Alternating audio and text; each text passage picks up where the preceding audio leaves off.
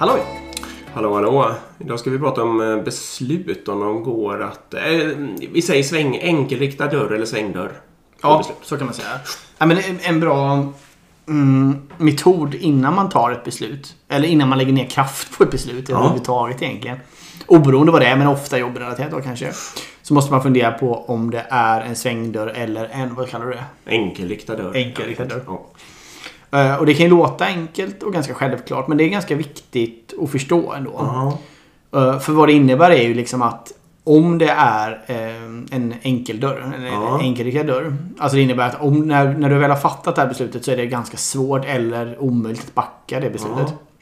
Då måste du antagligen lägga ner ganska mycket kraft. Du kanske ska ha med dig större delen av organisationen. Du kanske ska ha massor med data för att ta det beslutet och så vidare. Du, du kanske inte ska ta det så enkelt liksom. Utan det kan vara värt att lägga ner ganska mycket Mm. investering i att, att fundera på det. Men däremot om det är ett svängdörrsbeslut, alltså det är ganska lätt att backa. Då är det ju många gånger kanske onödigt att- att lägga ner all Ja. den datan, energin, organisatoriska stressen och allt vad det innebär. eh, För att ta det beslutet helt enkelt. Det är bättre att prova. Ja, många gånger är det det. Jag vet jag har två eh, takes på det här. Mm. Och den första är, um, går så här. Och den, den kommer ju från när vi jobbat tillsammans för länge sedan. Och det är det här... Um, eh, då formulerar det bara hur svårt är det att backa. Och då, det, så som det vi jobbar med då kokar nästan ner till att det enda som var svårt att backa var fasta anställningar. Mm. Eh, Så då såg vi till att vara noga med fasta anställningar men och allt annat kan man chansa sig fram och sen så eh, ändra sig. Liksom. Men min andra take på det här är nu när jag, nu har jag ju kanske eh, ser mer av organisationen och sånt där och jag vet, jag stör mig på att det är många beslut i företaget som när man tycker att man ska liksom besluta över någon slags... Det ska ju vara ett business case och grejer som, som är över någon slags helhet. Så man ska räkna ut vad... Alltså det ska vara definieras som ett projekt och sen så kostar det 70 miljoner. Och så ska man vara säker på att det lönar sig att stoppa in 70 miljoner i det där. Och sen så ska allt det där upp på ett bord vid ett tillfälle och så, så pang ska klubban gå på de här 70 miljonerna. Och det jag stör mig på då i det tankesättet det är att de där 70 miljonerna är ju inte...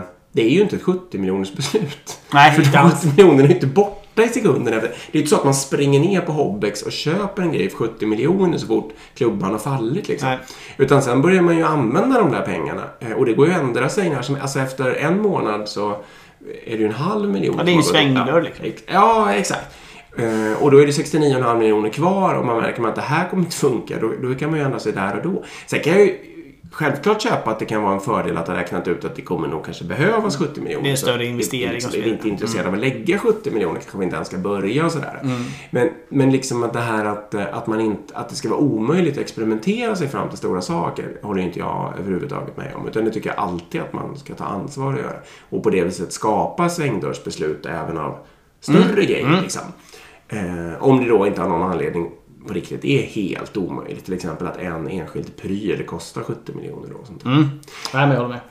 Sen får man ju- ja, Nej, säg. Nej, jag, En fälla här, om ni tänker på det här tankesättet som jag just har, det är ju att leverantörerna ofta vill eh, få, men alltså de, det ska till enorma avtal. De kan ju bli lite som prylen från Hobbex då.